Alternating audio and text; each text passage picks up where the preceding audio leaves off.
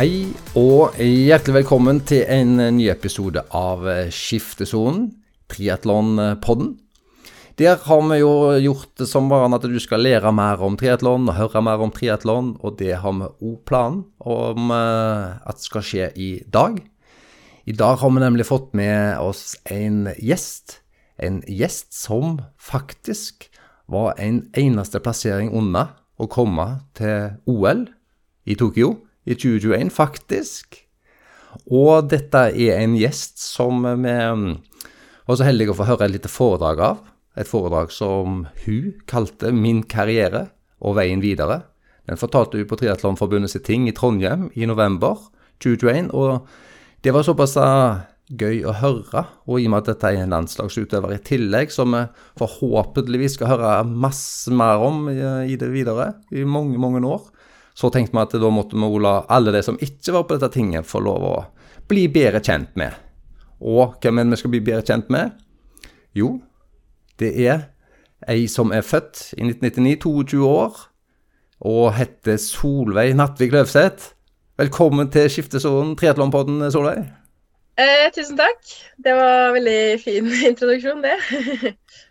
det stemmer jo, da, at eh, du var en eh, plassering under å komme til OL. og Hvis vi bare tar den med en gang, hvordan, hvordan var den dagen der eh, du nesten kom til OL, faktisk? Uh, ja, det er jo Å si at jeg er én plass unna, var jo litt sånn pent sagt, for det var jo én plass uh, på et stafettlag, da. Uh, så laget var én plass unna, så det var ikke min fortjeneste alene. Men uh, det var jo selvfølgelig litt surt at det var ganske nær. Um, og jeg tror hvis alle hadde hatt en maksdag, så kunne det også gått. Og det var jo gjorde litt ekstra surt å vite. Vi, på forhånd så var vi jo ganske innstilt på at uh, vi skulle klare det. Um, for det som var casen, var jo at topp tre ble direkte kvalifisert av de stafettlagene, og så ble vi nummer fire, da. Så det Ja, det var jo kjedelig, men uh, samtidig så er det jo bare to og et halvt år til neste OL, så det Og da har jeg jo selvfølgelig et mål om å klare å kvalifisere meg der, og også klare det på en måte Klare det på egen hånd, kan du si, da, eller klare å kvalifisere meg individuelt. Sånn at jeg Hvis jeg hadde klart det i år, ville det vært en veldig kul opplevelse, men da ville jeg jo fortsatt følt litt at jeg ble kvalifisert fordi jeg hadde sterke lagkamerater, på en måte. Men uh, inn mot Paris så håper jeg absolutt å klare å kvalifisere det meg Gjerne, eller selvfølgelig som stafettlag også, men pga. på en måte mine egne prestasjoner også, da. ja ja, men vi, det var et poeng å få fram at uh, vi har med oss en uh, gjest her i dag, altså som var som hadde en halv fot i uh, Tokyo. Og vi andre satt og så på sommer-OL med både triatlon og masse annet, og det var nesten du. Så det, var, så det er litt av en gjest man får tak i i dag. Det var jo den ene dagen som hadde på en måte alt å si for om det skulle gå eller ikke. Så det var, uh, det var Det er faktisk en litt gøy historie, for det var en litt um, hele den dagen bare alt gikk galt den dagen, egentlig. Fordi etter uh, konkurransen her så var jeg jo litt skuffa og sånn. Og så ble jeg tatt ut til dopingkontroll. Eh, og så satt jeg bare og drakk ganske mye vann på den dopingkontrollen. Eh, fordi du må jo vente til du må tisse før du kan ta den her tisseprøven som de, de, du skal ha, da.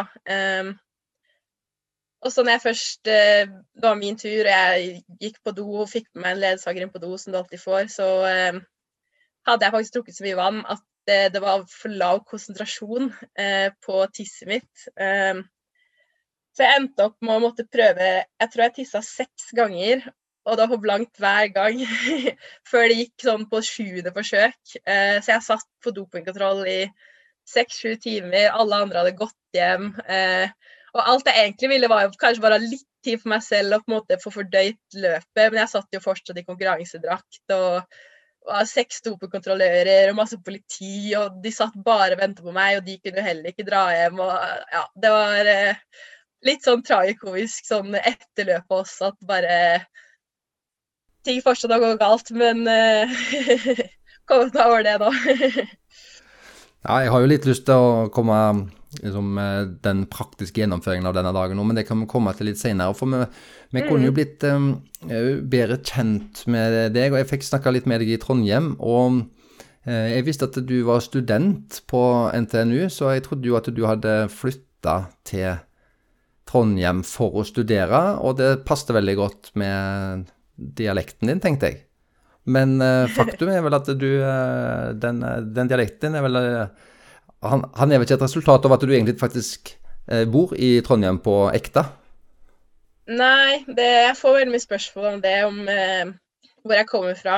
For jeg snakker jo ikke helt trøndersk, nei. Så det var når jeg begynte å studere også og ble kjent med folk på studiet, så trodde de fleste at jeg hadde flytta ut for å studere. Men jeg har jo egentlig bodd mesteparten av livet mitt i Trondheim og bor jo fortsatt hjemme, egentlig, eh, sammen med familien. Men eh, det eneste som er eh, casen, er egentlig at jeg ble født i Trondheim og bodde her fram til jeg skulle begynne på skolen. Og så flytta vi til Lørenskog utenfor Oslo, hele familien, og bodde der i egentlig bare tre år. Så fra første klasse til tredje klasse på barneskolen så bodde jeg i Lørenskog. Og da bytta jeg vel egentlig dialekt så å si på dagen når vi flytta ned dit. Så da begynte jeg å snakke veldig østlandsk, eh, for jeg hadde jo snakka trøndersk før det. Og det skjedde egentlig ganske ubevisst, men eh, da vi skulle flytte hjem tre år seinere, så husker jeg at jeg var veldig, veldig negativ til å flytte tilbake til Trondheim, for da hadde jeg jo begynt på skolen der og hadde veldig gode venner, og da var det sånn det var, Jeg var mye mer mot å flytte da vi skulle flytte hjem, og da var jeg veldig bestemt på at eh, jeg i hvert fall ikke skulle bytte dialekt enda en gang, da. Så det er jo 13 år siden nå, og så har jeg jo egentlig bare holdt litt på eh, den dialekta fra de tre årene der, da. Men eh, kanskje blitt litt mer trøndersk her og der, sånn at eh, nå er det bare litt en blanding, egentlig. Men det passer jo godt med NTNU som ligger i Trondheim. Eh, får du mm. gjennomført noen skikkelige studier eh, når du nå samtidig er på triatlonlandslaget? Og vi vet jo dere har i hvert fall i fjor reist en del. Men hva, hva studier gjør du, og hvordan får du gjennomført det? Jeg går en master nå. En sivilingeniør som heter industriell økonom... Nei, hva er det da? Den kalles for INDUC, men jeg glemmer alltid hva det står for. Det er industriell eh, økonomi og teknologiledelse, er det. sier aldri hele ordet. men ja, det går nå fint. Jeg har fullført to år nå. Um, men jeg har brukt tre og et halvt år på det siden jeg begynte høsten 2018, da. Så sånn i snitt studert ca. 50 um, og ja, jeg vet ikke. Det går greit. Det, er, eh, det føles som jeg har veldig mye igjen. Men jeg, har, jeg, føler at de to årene har gått ganske sakte, så tre år til det, Vi får se hvor lang tid det kommer til å ta. Jeg merker jo også at um, på en måte, Det er noe med at jo mer ambisjoner jeg får innenfor triatlon, jo morsommere det er, jo vanskeligere er det på en måte å fokusere på skolen. Var Før var det koste jeg meg mer med det jeg kanskje har gjort det i det siste. For det siste så er det veldig lett at du eh, fokuserer så mye på triatlon at eh, det blir litt sånn bortprioritert. Men eh, nei, foreløpig syns jeg det er greit å ha det litt på siden. Og så er det ikke Jeg stresser ikke noe med å ha altfor stor progresjon på det. Og så tenker jeg at det tar den tiden det tar, men ja, det er fint å ha, ha, det på siden. Og det er veldig fleksibelt lagt opp, og jeg kan bestemme egentlig akkurat selv hvor mange fag jeg vil ta per semester, og variere det, da. Det er jo kjekt for oss å høre at du eh, eh du syns det er enda kjekkere å satse på triatlon enn eh, skole. Men eh, det er nok en del som nok tenker at det er nok fornuftig det er løpet til nå for en studie, et studium på, på side eller ved siden av at en får gjort noe. Ja da, absolutt. Og det er jo også bare fint å vite at, vite at jeg er i gang, da. Så får det som sagt bare ta den tiden det tar, men da vet jeg i hvert fall at jeg har begynt med noe. Og jeg, selv om jeg syns triatlon er ganske mye morsommere akkurat nå, så trives jeg egentlig veldig godt med de fagene jeg har, og jeg syns det er et interessant studie. Det er bare Ofte at triatlon er enda mer interessant. det er det nok. Eh, men du har jo ikke drevet på med triatlon alltid, Solveig. Og Du flytta eh, til, mot Østlandet eh, når du begynte på skolen. Var mm. du begynt noen idrettskarriere da, eller når begynte du med noen form for idrett som, som barn? Um, nei, jeg hadde vel egentlig ikke begynt med noe sånn skikkelig før det. Jeg tror um, Jeg begynte vel på svømming Det var vel i første klasse, tror jeg, men um, det var mest for å lære meg å svømme, sånn som de fleste barn gjør, tror jeg.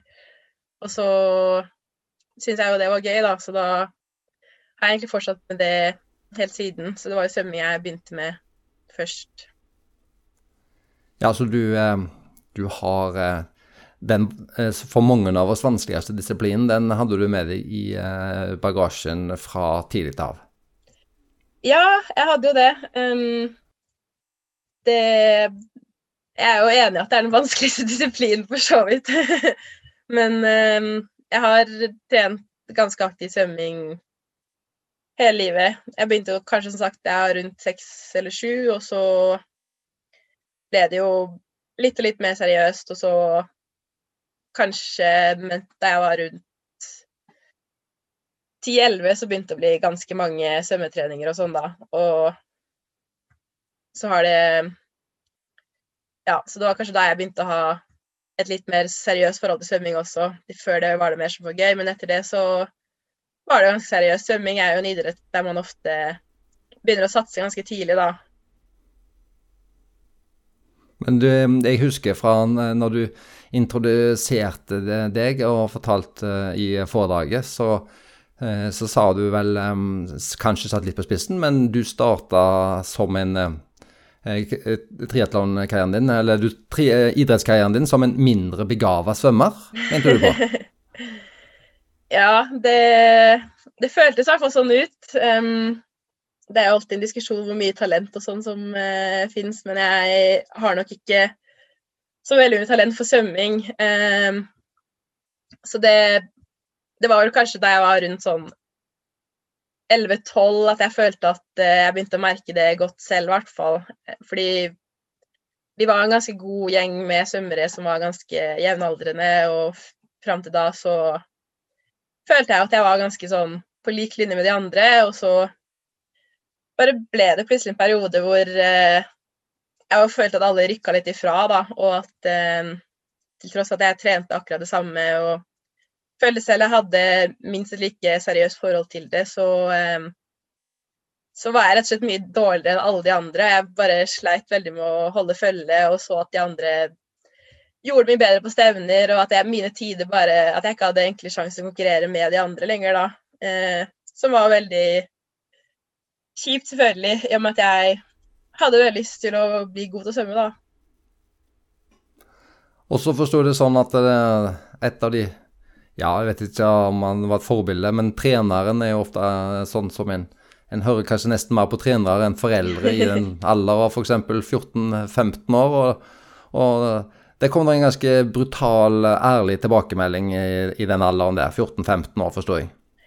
Ja, det stemmer. Jeg snakka og fortalte det på foredraget, at eh, jeg så veldig ofte treneren min. Um, husker det veldig godt at eh, det var han jeg alltid ville ha litt sånn livsråd fra, og sånn eh, f.eks. hvis jeg skulle søke videregående eller sånne ting. Så som du sier, man er, når man er tenåring, hører man kanskje ikke så mye på foreldrene sine alltid. Så eh, det var på en måte ikke så interessant hva de mente jeg burde velge, men eh, han var det veldig interessant på hvilken skole han syntes jeg burde søke på, f.eks. Det var på en måte alltid han jeg spurte om sånne ting, da. Um, og så tok han meg egentlig bare til side på en trening og begynte å snakke om at uh, svømming kanskje ikke var helt min idrett, da. Um, og han sa at um, når man begynner på idrett som barn, så vet man jo ikke nødvendigvis hva man eh, har talent for eller ikke, eller hva man kommer til å bli god i. Man begynner bare med noe litt tilfeldig, og det er jo for så vidt sant. Det var jo helt tilfeldig at jeg begynte med svømming. Og så sa han at det er jo først når du er litt eldre at man kanskje begynner å kunne se om det her er noe man har anlegg for det gode i, ikke da. Eh, og at jeg da ikke hadde noe anlegg for det gode svømmer, da. Var egentlig det han sa i korte trekk. Og han sa Vi snakka ganske lenge rundt det, og han sa f.eks. at eh, han tror at jeg aldri har noen sjanse til å kunne komme i OL i svømming, f.eks. Uansett eh, hvor mye jeg trener for det. Eh, og at eh, jeg jo lå ganske langt bak de andre. Og det er jo selvfølgelig ting jeg også kanskje hadde tenkt selv allerede da, men eh, ja, absolutt litt sånn rart og kjipt å høre det kanskje litt utenfra, da. Men særlig kanskje når det kommer fra han, som er en eh, som jeg så veldig opp til. Eh, men samtidig så Det kom jo fra et godt sted hos han, eh, og hans hele agenda med å ta opp det her var jo at han faktisk hadde lyst til at jeg skulle prøve triatlon, uten at han egentlig hadde så mye kunnskap om triatlon eller uh, forhold til det, men jeg tror han bare så at jeg hadde lyst til å bli god, da, og kanskje tenkte at det var en arena jeg kanskje kunne kjenne litt mer mestring enn i svømming, i hvert fall. Ja, det må være allikevel brutalt eh, der og da. Eh, men eh, kanskje det at han har eh, fått til Eh, et stort talent til, til triatlon. Og, og, og, på en måte så får han jo både rett og feil. Altså, det blir jo kanskje at denne eleven sin eh, kommer til å svømme i et OL. Men dog eh, ikke, ikke bare svømme, da, men kanskje så skal Solveig svømme i, uh, i et OL snart. Ja, ja, det var jo hans argument at uh, i bare svømming kan det ikke gå, men i triatlon der tror jeg du kan komme til OL, tror jeg han sa. Og det er jo litt gøy at han sa, for han hadde jo ikke som sagt ikke noe særlig kunnskap over triatlon og sånn. Det var sikkert bare noe han slang ut, på en måte. Men det hadde vært kult hvis han fikk rett i det, ja. Men eh, når, han, eh, når, du begynte å tenke triatlon, eh, hva syns du om statusen på eh, den idretten? Og, og, og du går fra svømming til triatlon, hva var tankene dine rundt det? Ja, det var en ganske lang prosess for meg å bytte idrett, definitivt. Um, av flere grunner. Eh, litt også litt fordi ved å si at eh, jeg skulle begynne med triatlon, så følte jeg at jeg ga opp svømming. Eh, og egentlig bare sa da at jeg ikke tror selv heller at jeg kan bli god i det her. Og det føltes jo litt som å gi opp, og litt som å At det å begynne med triatlon var på en måte å gå fra en A-idrett til bare en B-idrett bare fordi du Det er lettere å bli god der, eller eh, Jeg vet ikke, jeg, jeg så vel Jeg hadde ikke så mye forhold til triatlon, og jeg syns det virka som en veldig sånn rar idrett som bare rare folk dreiv med, liksom. Og det er jo det er for så vidt en rar idrett, men uh, nå syns jeg det er en veldig gøy idrett og en veldig kul idrett. Men jeg, ikke, jeg så jo ikke sånn på det da. Um, jeg husker jo at uh, hvis folk spurte meg før hva jeg dreiv med, så har jeg, jo alltid svart svømming, og svømming følte jeg var på en måte en kul ting å svare, da. Eh, men eh, å gå over til triatlon, det, det, det følte jeg var mye sånn Det tok flere år før jeg svarte at jeg drev med triatlon. Jeg svarte fortsatt bare svømming lenge etter at jeg begynte med triatlon også, fordi jeg syntes det var litt sånn flaut og rart å drive med triatlon. Og det tok veldig lang tid før jeg sa det bare til selv mamma og venner og sånn, liksom. Eh, begynte å trene det egentlig litt i det skjulte i starten. Så det Ja, det er litt rart å se tilbake på. ja, jeg både håper og tror at du har kommet videre, i hvert fall fra at eh, du gikk fra en A til en B-idrett. Det er det nok en del som er uenige i dag, og så at det er flaut å si. Det håper jeg òg at vi har kommet oss videre ja, fra. Fordi, det er jo gøy, for det er mye som har skjedd. Selvfølgelig. Nå er jeg jo også triatlon i hvert fall noe litt flere har forhold til, og særlig kortdistansetriatlon, kanskje pga. OL og sånn, og guttene og deres resultater. Så det er jo kanskje på en måte en litt mer vanlig idrett også, men ehm, ja, uansett så syns jeg jo absolutt at det er en av de tøffeste idrettene man kan drive med i dag, da. Um, og jeg jo kunne jo aldri tenkt meg å gå tilbake til svømming, egentlig. Um, triatlon er jo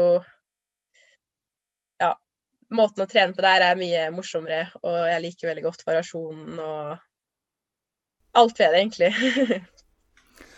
Men da var du ca. 15 år, da, når du eh, tenkte, selv om det gikk en stund til du sa det både til foreldre og til venner at du egentlig var begynt med triatlon.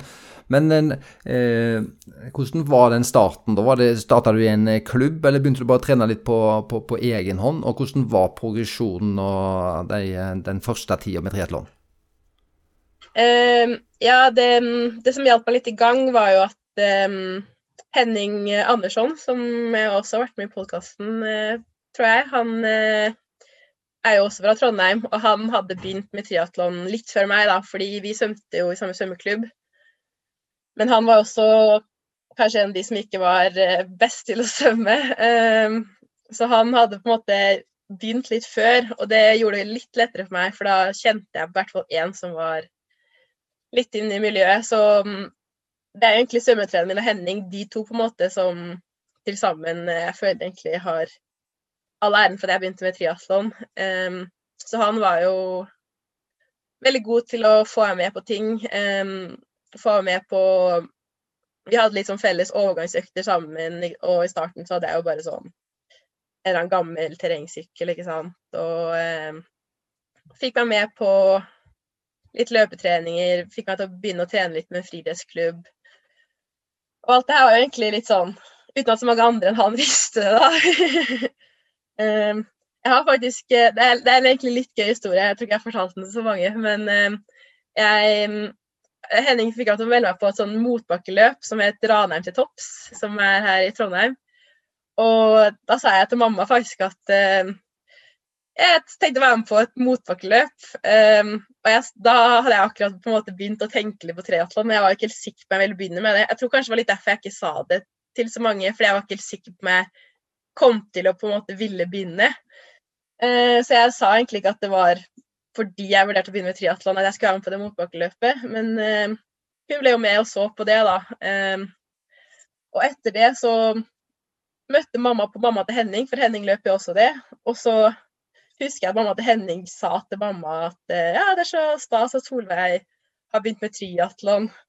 Og da sto jeg ved siden av og tenkte sånn at det her har jo ikke jeg sagt til mamma engang. Og stakkars mamma har jo sto der og følte seg sikkert kjempedum, ikke sant. Fordi hun måtte jo bare jatte med og si noe sånn at ja, det, det er jo spennende, eller et eller annet sånt der. Så, så det var sånn mamma fikk vite det, da. Så det, det er jo Det høres sikkert ut som jeg har ganske dårlig forhold, men jeg snakker jo egentlig med mamma og pappa om det meste, men det var bare så langt inne det satt, da. men uh, ja, det var sånn det begynte. Og så var jeg på en uh, Før hadde Triatlonforbundet en sånn desembersamling hvert år med egentlig alle som ville, nesten. Alle som var litt interessert i triatlon. Så igjen var det Henning som fikk meg til å være med på den, da. Og der ble jeg jo kjent med litt andre fra andre steder i Norge som også drev med triatlon. Og det var jo første gang jeg så at det var litt ungdomsmiljø, i hvert fall da. Selv om eh, superstort var det jo ikke, men det var i hvert fall gjaldt litt å møte litt andre folk som drev med det. Og så Det var kanskje etter den at jeg bestemte meg for å prøve det litt mer skikkelig, da. I desember 2014.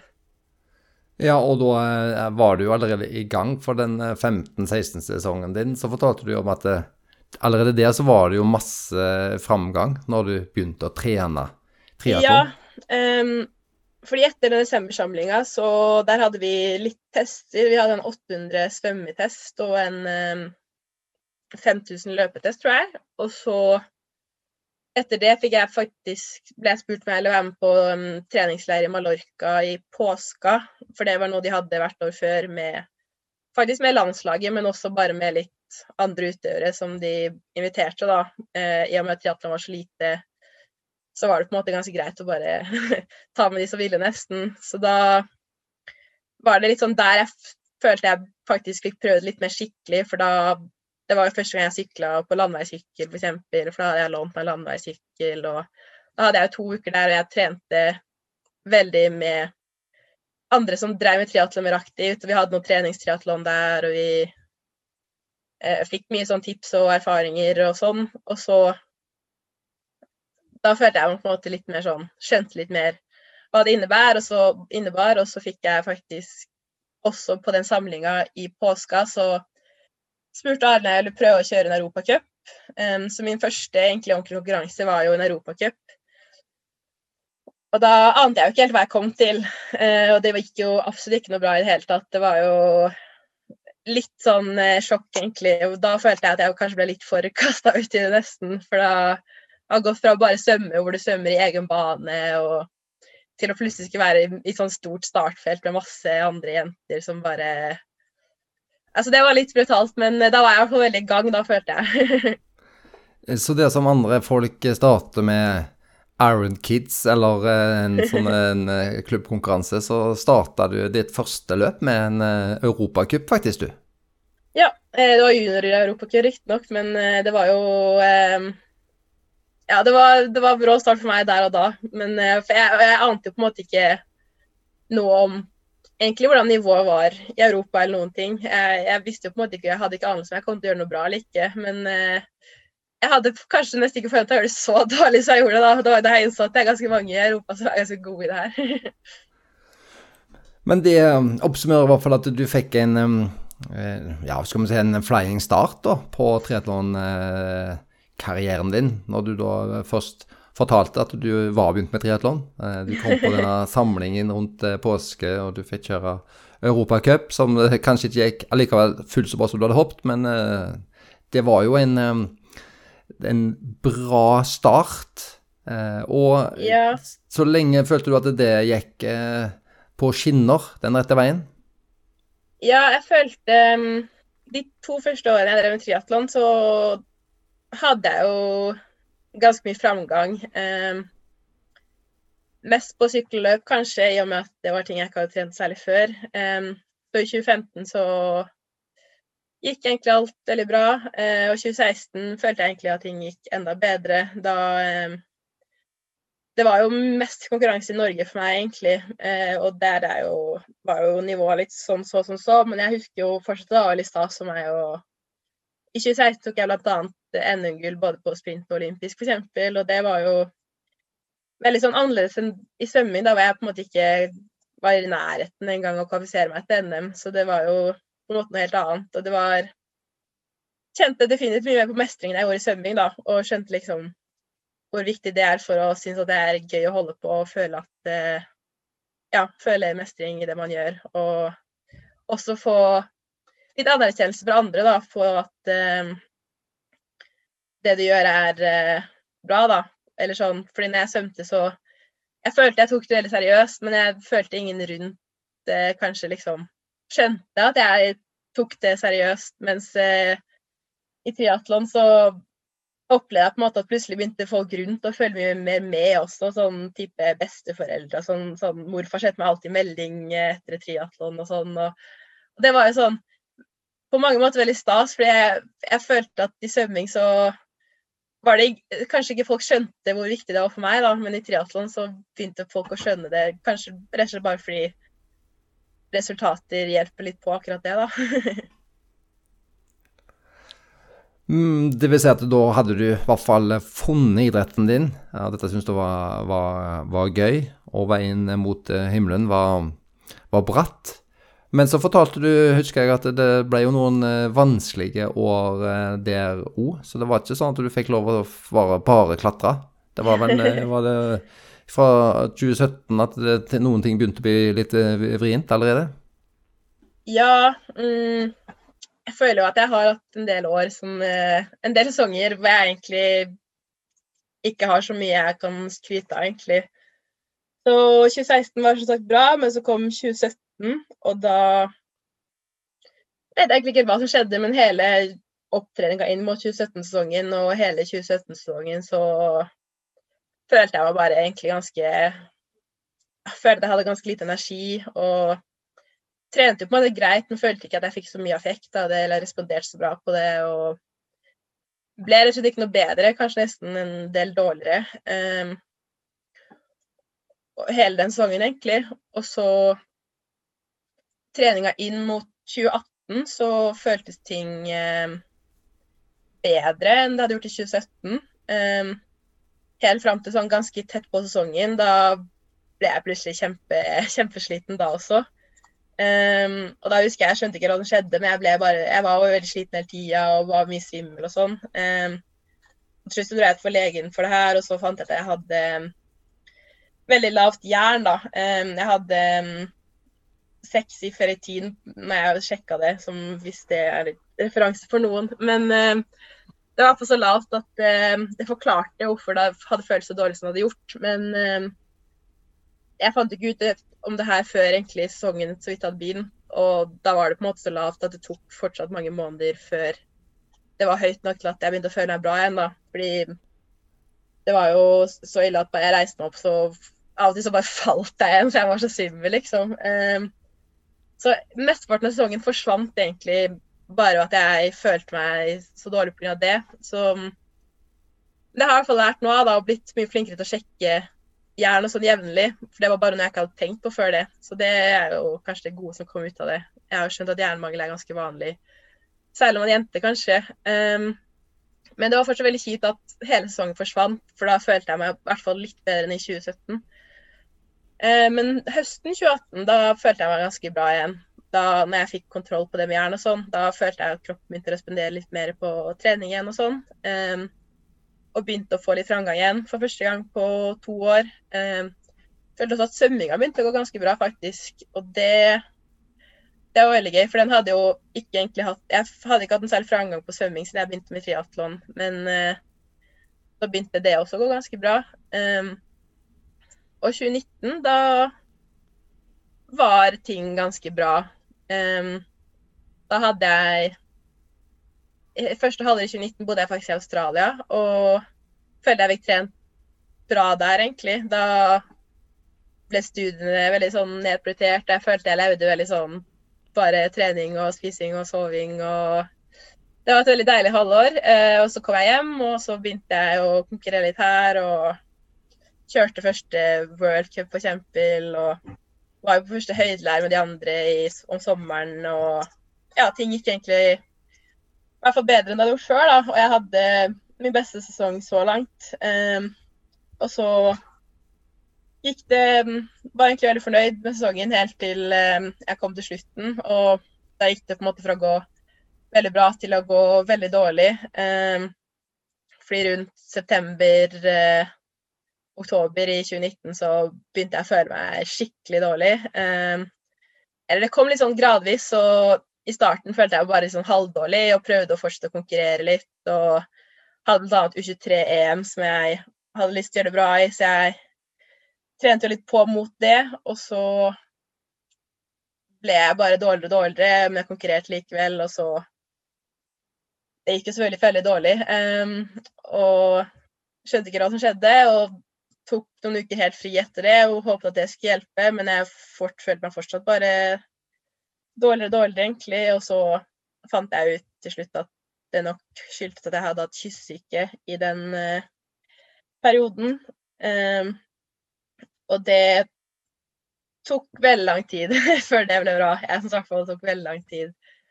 Så jeg ble syk rundt høsten 2019, og så var jeg egentlig ikke tilbake i vanlig trening før høsten 2020, da. Så det var uh, rett og slett et år cirka som gikk med til det, da. Så det er vel egentlig 2017, 2018, 2019 og 2020 litt sånn kort oppsummert at eh, generelt så var det mye som jeg følte ikke gikk helt min vei, da.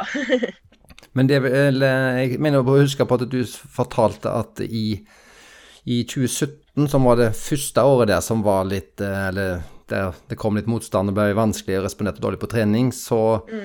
uh, mener jeg på at du fortalte at du mista den plassen du hadde på, på landslaget. Stemmer det? Ja, det, det stemmer faktisk. Jeg Hvordan påvirker det både motivasjon og det å få hjelp og tilrettelegging til satsing? og det er jo mange som kan miste motivasjonen av sånt, og noen kan jo få sterk motivasjon av sånt for å komme tilbake. Husker du hvordan du opplevde den seansen? Mm, jeg, jeg føler ikke det påvirka motivasjonen så mye, egentlig. Eh, det var jo Jeg følte på mange måter at jeg var fortjent å miste plassen, for jeg hadde jo som sagt uh, følt jeg hadde gjort det veldig dårlig i 2017.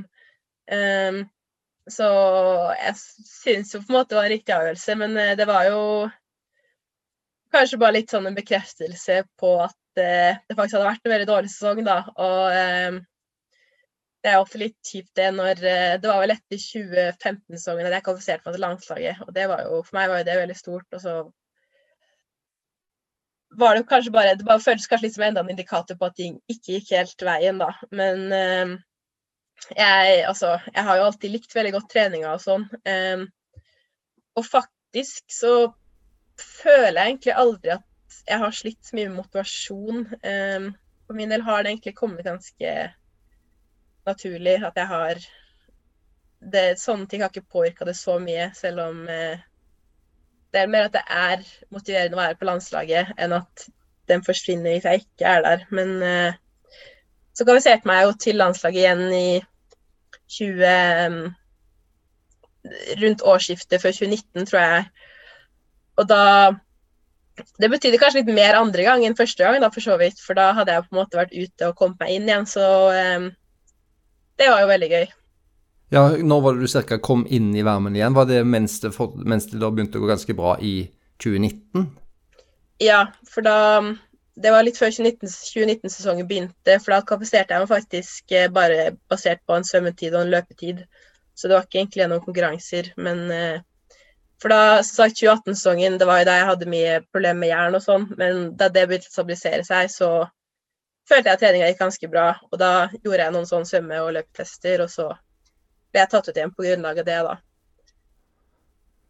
Eh, og i 2019, det var vel eh, da når du da hadde fått eh, kontroll på dette her, som du sa med jernnivå og sånn, så det var det vel såpass bra at du vel fikk kjøre din første World Cup det året?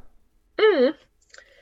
Det stemmer. Jeg kjørte vel to eller tre World Cuper den sesongen, og det det var absolutt veldig stas. Det var jo første sesong som senior generelt. Um, så jeg hadde jo også de første senior-europacupene, men også worldcuper, da. Og syns sånn egentlig at det gikk ganske greit med tanke på hva jeg forventa på forhånd. Jeg, jeg, tror jeg gjorde det ca. like bra i, som senior i 2019 som jeg på en måte noen gang hadde gjort det som junior før. da.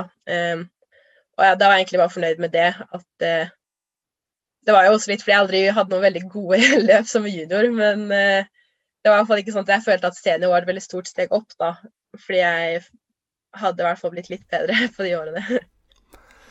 Men jeg husker når du fortalte dette her, disse årene her med 17 og 18 som var dårlige, og så fikk du et lite lysglimt i, i 19 med et bra år, og så fikk du kyssesyken på høsten 2019. og var borte i, vel, i praksis i, i ett år. Så tenkte jeg at det blir jo eh, ekstra imponerende å stå i det. Du sa at du har alltid vært motivert til trening, men altså, det er jo ganske viktige år av livet ditt. Hvis at du tenker deg disse alderen eh, Du er eh, jente, kvinne fra 17-18 år, 19-20 mot 21.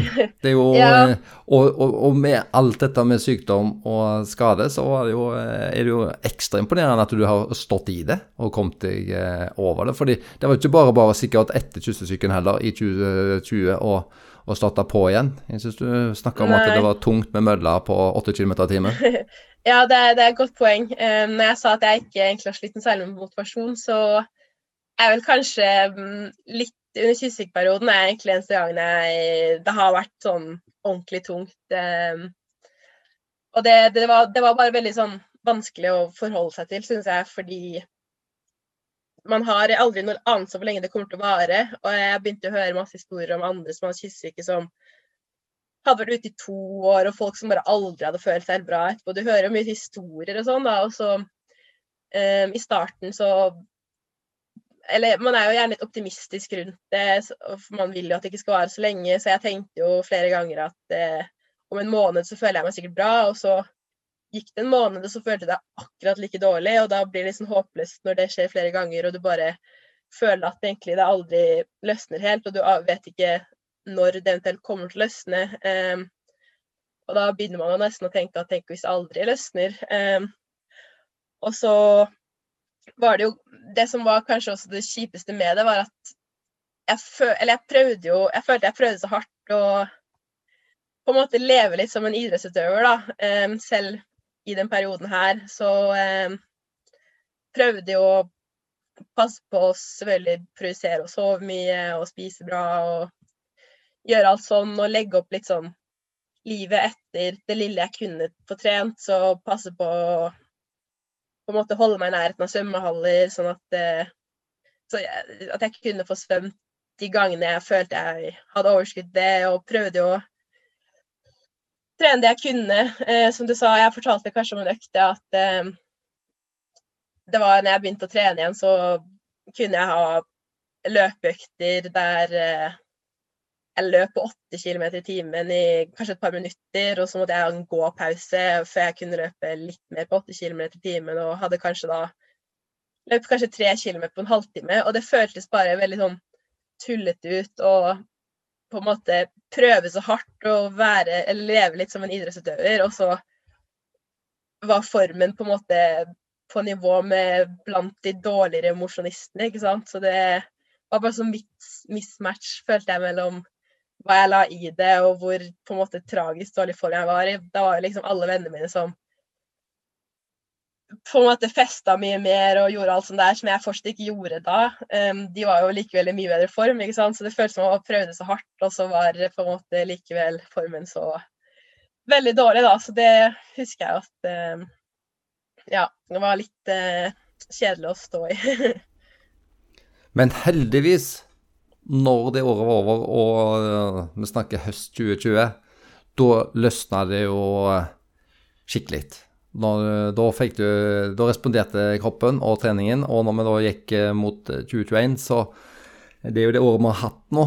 Og da har det jo vært et, et kjekt år med mye trening og mye utvikling, har det ikke det?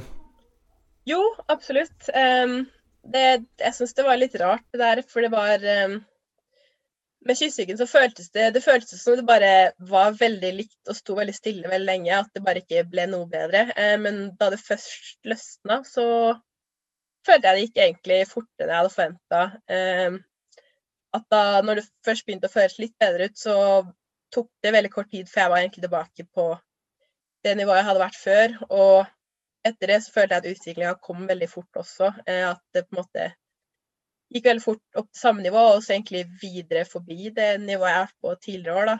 Ehm, og har fått, fikk trent veldig bra hele vinteren inn mot 2021. Ehm, og vi dro på leir hele landslaget i januar, ehm, og vi ble jo borte et halvt år faktisk til slutt. Eh, litt sånn Det var egentlig aldri planlagt hvor lenge vi skulle være borte, men det ble ble jo veldig lenge borte, um, og da fikk jeg jo tilrådd veldig mye tid med landslaget. Um, og føler at jeg ble kjent på dem med, på en mye bedre måte enn jeg har blitt før, egentlig alle sammen, og fikk trent veldig mye med Stine og Lotte, f.eks. Vi har jo ikke trent så mye sammen før, egentlig, som vi har fått gjort nå. Um, og vi har også fått veldig mye utbytte av det, uh, og bare det å være så lenge med hele landslaget, egentlig, det det er jo det at som sagt, jeg føler jo egentlig at jeg er motivert som regel, men eh, det hjelper også. Du får på en måte noe ekstra når du er omgitt av en gruppe der alle er kjempemotivert hele tida. Det føler det gir noe ekstra til treninga, da. Eh, og så bare det å snakke mye med de andre og snakke med guttene som har høy, veldig høye ambisjoner, og at det smitter litt over og Nei, jeg føler det har Det har gitt meg veldig mye, da, egentlig. Eh, så hele egentlig oppladninga mot sesongen var veldig gøy. Og sesongen har også vært veldig gøy, så eh, har masse høydepunkter å ta med fra i år, egentlig.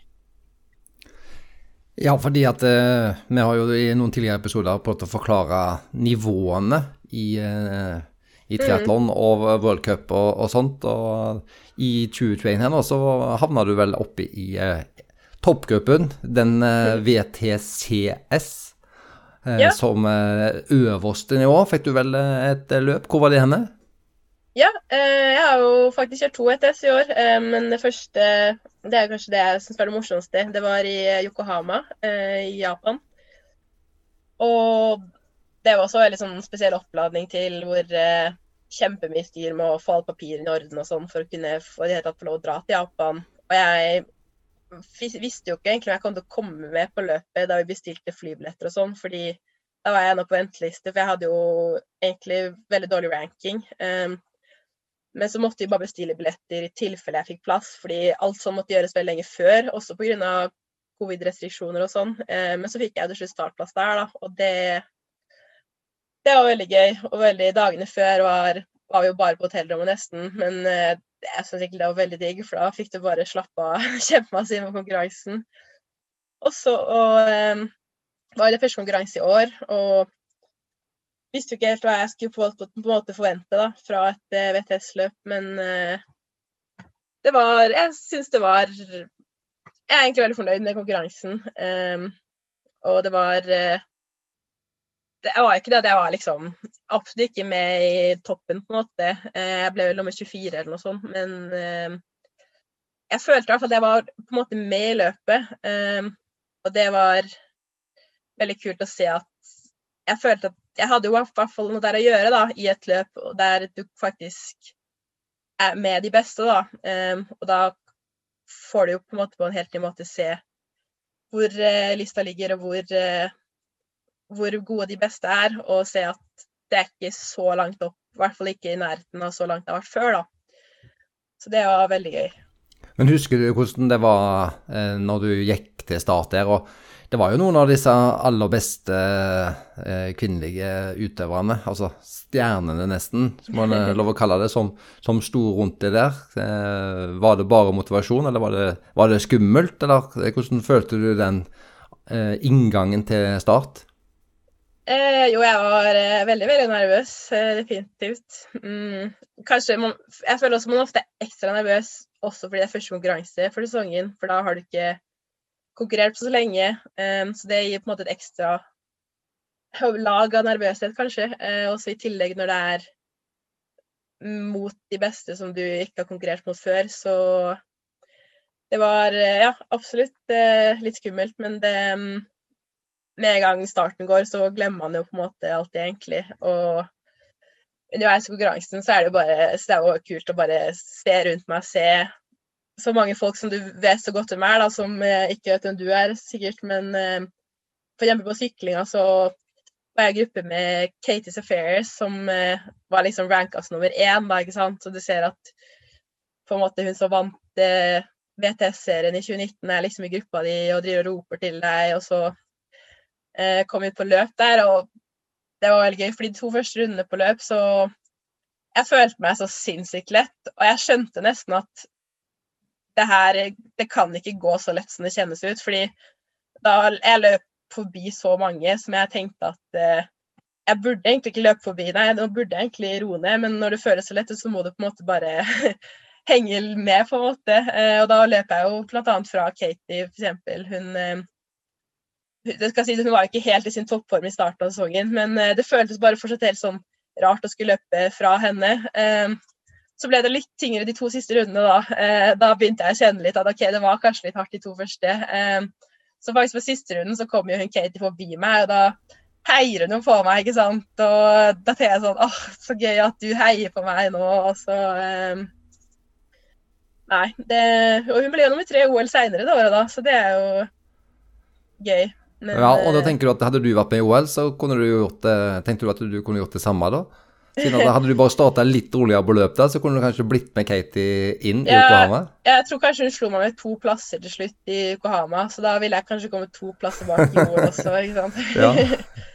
nei da. Men eh, Nei, absolutt. Og det er også gøy å se hvor, eh, hvor lett det er å snakke med de andre, da, sånn etter konkurransen og sånn. Alle er veldig Det er et veldig sånn godt miljø internasjonalt og veldig lett å lett å snakke med nye folk, og det, det blir litt sånn Glemmer nesten at de er uh, så gode som de er, liksom, for de er så lette å snakke med. Men de må være ekstra motiverende, til, altså uh, være ekstremt motiverende og få lov å leke med de aller, aller beste. Både i løp, selvfølgelig, men også det sosiale etterpå og før. Ja, ja, veldig. Um, jeg er veldig glad for at jeg har fått kjøre VTS i år, da. Det da har du deltatt på to VTCs, og så har du jammen meg stått på podiet i Åro eh, i eh, triatlon, og internasjonalt. Europacup på podiet. Og eh, hva vil du si om den plasseringen? Klarer du å si hva plassering du egentlig fikk, sånn sett i dag? Ja, um, jeg kjørte en europacup i Ukraina, um, der uh, det var uh, Det ble et spurtoppgjør da, om uh, førsteplassen, rett og slett. og jeg er jo kanskje ikke den beste i spurt, så jeg tapte dessverre den spurten. kom i mål sånn rett bak hun som vant, som var hjemmefavoritten, som er fra Ukraina. da. Og jeg fikk jo jeg fikk en del tyn, særlig fra kanskje guttene på landslaget, noen av dem som var sånn eh, Fikk mye sånn tyn for å tape spurten, ikke sant, at jeg ikke vant det løpet. Eh, men så viste det seg i etterkant at hun er jo faktisk tatt i doping, hun som vant. Eh, det var litt gøy, for det var jo faktisk på den konkurransen hun avla en positiv prøve. Så jeg satt jo og snakka ganske mye med henne etter konkurransen. Vi satt jo sammen på dopingkontroll og jeg passa til og med på sønnen hennes og sånn, ikke sant? for hun hadde med han på dopingkontroll. Og hun delte mobildata med meg fordi det er så dyrt og med mobildata i Ukraina, så hun delte wifi og sånn. og ja, Vi snakka ganske mye sammen. Og så, så var det litt rart egentlig etterpå å bare få vite at eh, hun hadde testa positivt da, på den konkurransen. Så eh, jeg ble jo nummer to, men det, jo, det er veldig spennende å se da, om eh, det blir gjort om til førsteplass. Jeg vet egentlig ikke så mye hvordan det funker. Eh, det hadde jo vært enda kulere å si at man har vunnet en europacup, enn at man har blitt nummer to i en europacup. Ja, spør du meg, så har du vunnet.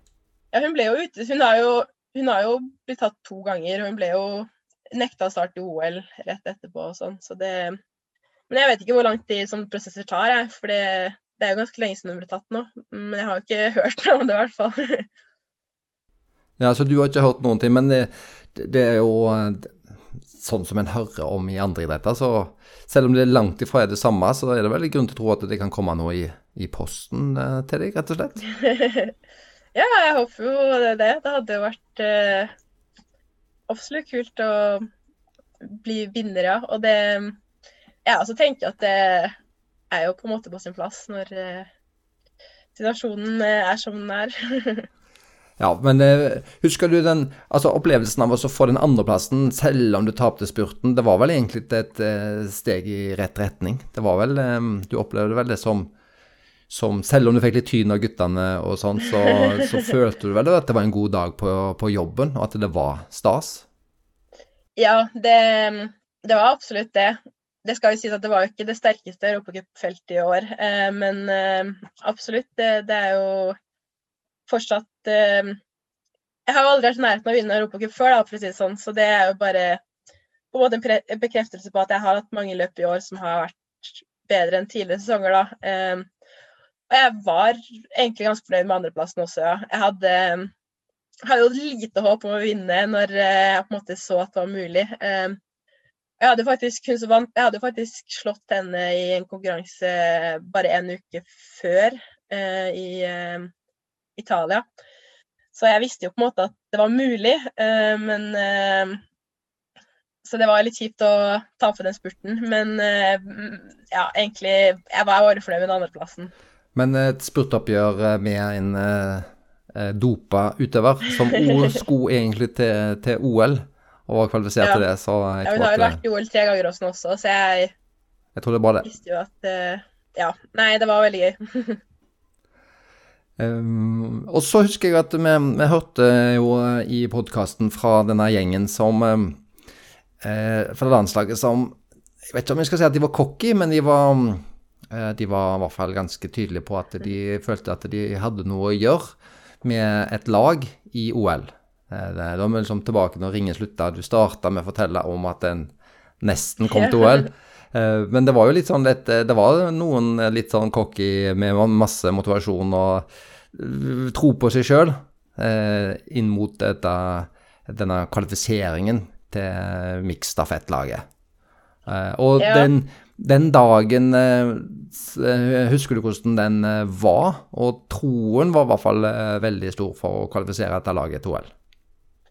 Ja, Eh, det er eh, Altså, de norske, kanskje særlig guttene, men de norske er veldig gode på å ha mye selvtillit. Uh, og det er jo eh, Jeg føler det smitter litt også. Jeg også har, har egentlig fått mye mer selvtillit bare av å være rundt andre som har så mye selvtillit, egentlig.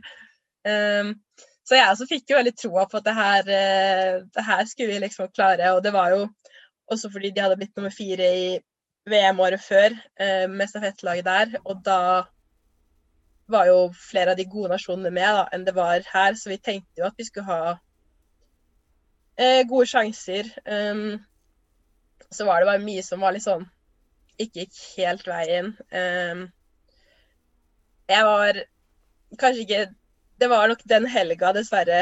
Um, for vi hadde jo fire helgeprogram konkurranser i, første, um, i starten av sesongen der. Og det her var jo den andre helga. Det var jo uka etter Yokohama. Og det var nok den helga jeg følte meg egentlig desidert dårligst av de helgene. Som var litt dårlig timing. Jeg tror jeg ble litt sånn halvsyk egentlig på reisen hjem fra Yokohama. Um, og det var jo bare fem dager etterpå med tidsforskjellen og reisen og sånn etterpå, så vet jeg ikke, jeg bare følte meg ikke helt på topp, da. For det, Yokohama var på en søndag, og så var det her på en fredag.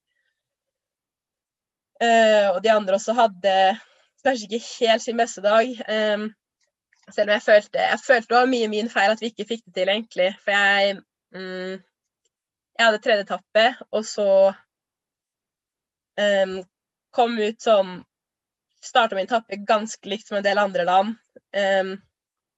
og så mista jeg litt mye på svømminga. Det var uh, hun spanske utøveren som jeg følte bare la seg oppå på svømminga. Jeg mista ganske mye tid og klarte akkurat ikke å ta de føttene jeg burde ha tatt. Og så endte jeg opp med å sykle mye alene, og da ble det plutselig altfor langt egentlig opp til eh, de som leda, da. De eh, lagene foran. Eh, så det var kanskje litt da jeg, vi bare så at det, glapp, da. Um, så det var jo selvfølgelig kjedelig, men igjen tenker jeg at hvis når vi ikke engang klarte å kvalifisere oss, så ville vi nok mest sannsynlig ikke på en måte hatt en av de beste lagene i OL uansett. Det var jo veldig god, eh, høyt nivå på de beste lagene i OL. Um, og jeg tror jo at eh, om to og et halvt år da, så vil vi forhåpentligvis ha et enda bedre lag enn det vi hadde i år. Eh, og ha enda mer i eh, en mixed i OL å gjøre, da. Og eh, motivasjonen tror jeg ikke det står på, for eh, når du snakka i foredraget ditt, så snakka du ikke bare om eh, OL i Paris i 2024. Du var jo langt på vei og bortimot allerede gleda deg til OL i 2028 òg, du. ja, det Jeg håper jeg kan holde på med triatlon en stund. Um, og det er jo To og et halvt år er jo Jeg håper jeg rekker å bli en del bedre på to og et halvt år, men uh, det er jo fortsatt ikke så lang tid, egentlig. Når man ser på Jeg føler ikke jeg har hatt så mye framgang på de siste fem årene, liksom, egentlig. Selv om det har vært en del i år, så har det jo vært, som sagt, mye kan jo skje, og mye kan gå opp og ned, så det jeg føler det er også viktig å ha på en måte realistiske tidsperspektiv på ting, og når man vil være på sitt beste. Og det er jo bare å se på eh, resultatlistene på de aller fleste VTS-løpene og sånn. Det er alltid unntak som er kjempegode når de er på min alder og sånn, men de aller fleste er på sitt beste sånn når de er rundt 30 og sånn, da. Um, og det også er jo på mange måter litt fint å se at uh, Å vite at uh, det går fint, og det ikke er best i dag, da, på en måte. Uh, å se at man har noen år på seg. Men nå er vi jo kommet til um ca. til jul i 2021. Eh, Sesongen er jo over, mm. eh, off-season. Eh, og hva, hva, gjør du nå? Hvordan er treningshverdagen din nå i desember og mot januar? Hva er planene nå? Det er fortsatt både pandemi og sånt, men hva ja. gjør du nå framover? Nei, for øyeblikket så trener jeg hjemme i Trondheim, da. Eh, all sykling egentlig inne omtrent. Og så litt løping. Løping, litt sånn variasjon mellom inne og ute. Og særlig intervalløktene inne hvis det er eh, blatt eller veldig kaldt, f.eks. Og eh, svømmer med svømmeklubben her, da, som jeg har Eller pleier å svømme når jeg er her hjemme. Så det er egentlig det jeg gjør nå. Um, så helt ærlig så vet jeg ikke så mye egentlig ennå om eh, planene framover. Om det skjer noe Jeg vet vi skal på leir i februar eller noe sånt, men eh, litt usikker på om det skjer noe spesielt før det, egentlig. Eller om det bare blir å få god kontinuitet her hjemme. Men så mye, så mye mengde har du ca. nå, eh, da, i forhold altså, Nå er det jo eh, offseason, som jeg sa, eh, oppkjøring. Så mye timer eh, legger du i banken nå? og Da tenker jeg litt på at eh, du har jo ikke landslaget, men du har vel folk i klubb. Trener du alene, eller trener du med noen, og så mye mengde blir det? Um, jeg trener som sagt svømming med svømmeklubben, og så mesteparten av det andre alene. Sykling er jo all alene, for jeg er jo bare på rulla hjemme. Um, og løping um, gjør jeg mye alene, men særlig når det er litt rolig i turene og sånn, så løper jeg med andre jeg kjenner her i byen. Um, hvor mye mengde det er, det Ja, jeg vet ikke helt hva jeg har ligget på i timer de siste ukene. Kanskje sånn rundt 22-23-24, kanskje. Det blir jo kanskje Det varierer litt fra uke til uke. Um, kanskje bygges litt opp etter hvert også. Det har jo vært ikke så lenge siden jeg begynte å trappe opp etter sesongpausen. Um, og de siste ukene har jeg egentlig hatt ganske lite sykling. Um, har hatt sånn tre sykkeløkter uh, bare, så kanskje det blir litt mer volum på det etter hvert. Men um, prioritert løp og svøm, og det kommer nok til å uansett egentlig prioritere løp og svøm høyest gjennom eh, vinteren, mens jeg er her hjemme, da. Eh, litt fordi sykkel er det som er kanskje minst gunstig å trene når du må gjøre alt inne og sånn, men også fordi jeg føler svøm og løp er der jeg har aller mest å hente også. Eh, og bare vil ha veldig god kvalitet på det jeg gjør på løp og svøm, da. Eh, og nå på vinteren er det på en måte en fin tidspunkt å blokklegge litt, sånn at det får litt ekstra prioritet. Fordi da, selv om du starta som en eh, eh, du kalte det en mindre begava svømmer, så har du svømming i bånn. Eh, men så sier du nå at du har kanskje mest hetta på svøm og løp. Eh, vil jeg si at det mm. er sykkel den disiplinen som, som vi som skal heie og se på, kan tenke at det, er det der du er sterkest, sånn i forhold av konkurrentene dine? Jeg tror kanskje det, uh, men uh, jeg syns det er litt vanskelig å si. Jeg, jeg, jeg, føler at sykling som regel er ganske sånn Det er ganske greit å henge med, i hvert fall, på sykkel. Men uh, jeg vil absolutt bli bedre der også. Og jo bedre du sykler, jo mindre koster den delen av konkurransen. Noe som selvfølgelig også kan virke positivt på løp, f.eks. Det er jo mye det det handler om, egentlig. at Med sykkel at den skal gå Altså, jo bedre trent jeg på sykkel, jo villere blir jo syklinga. Og det er jo det som Det er en del som man ser at egentlig er kjempegode til å løpe, men de løper ikke så bra konkurranse fordi syklinga koster for mye. Så det er viktig å ikke nedprioritere den for mye heller. Men vi hører jo om sånne testregimer. Eh, vi ser flere, eh, jo spesielt disse guttene og han han er Bu, Ole Alexander Bu, som tester mye, mm. og, og Arild på landslaget. Er du med og, og gjør mye sånn testing og offseason på hvordan eh, det ligger an, og hva slags type energisystemer som skal jobbes mest med, og alle disse her eh, Gjør målinger på hvor du er hen akkurat nå? Um, ja, det har ikke Jeg er jo på en måte en del av det. Um, vi um men det har vært ganske lite det siste. Eh, mest fordi eh, Ola selvfølgelig f.eks. Har, eh, har veldig mye å gjøre. Så eh, det går mye på egentlig når han har tid og sånn. Men jeg tror vi skal tror vi skal få til en sånn full tredagers eh, test eh, på meg, i hvert fall i januar, tror jeg. For nå er det Det er et år siden sist jeg har gjort det, men uh, det blir jo litt testing her og der uh, likevel. Og jeg prøver i hvert fall å være god på å måle laktat på egentlig de fleste intervalløkter, som f.eks. så jeg har kontroll på hvor f.eks. terskel ligger til enhver tid og sånn, for det varierer jo ganske mye. Jeg kan på en måte, jeg føler nesten ikke jeg kan bruke testresultatene og få resultat på det lenger, for det er jo et år siden jeg har gjort sånn skikkelig fulle dager i laben, i hvert fall. Men uh, absolutt. Så jeg føler de testsamlingene er veldig Lærer veldig mye av det. Det er fall, du er i hvert fall uh, mye mer enn en uh, aktiv mosjonist, for du sier at du beskriver jo en 22, 23, 24 timer nå. Men eh, også sier du etterpå at det er Nå har du akkurat hatt sesongpause, så du er under opptrapping. Så det, det høres ut som du får lagt ned en del arbeid, selv om du i tillegg nå er student og hadde eksamen for noen få dager siden. ja, det mm, Det er jo En annen ting er jo at nå har jeg hatt veldig En annen ting som trappes opp framover, er jo kanskje at jeg skal ha litt lengre hardøkter og litt flere hardøkter og sånn, for akkurat nå er jo det også Jeg har hatt veldig mye rolig trening de siste ukene, da, så det er kanskje også en del av opptrappinga at det, det, blir også opptrapping i intensitet, og så kanskje ikke nødvendigvis så mye timer, men eh, kanskje litt i timer også. Men eh, nei, det det går fint å kombinere, syns jeg, med studiene. Det um, har jo kanskje på det ikke nødvendigvis har lest så mye det, Fokusert så mye på studiene, og da er det ganske greit, i hvert fall.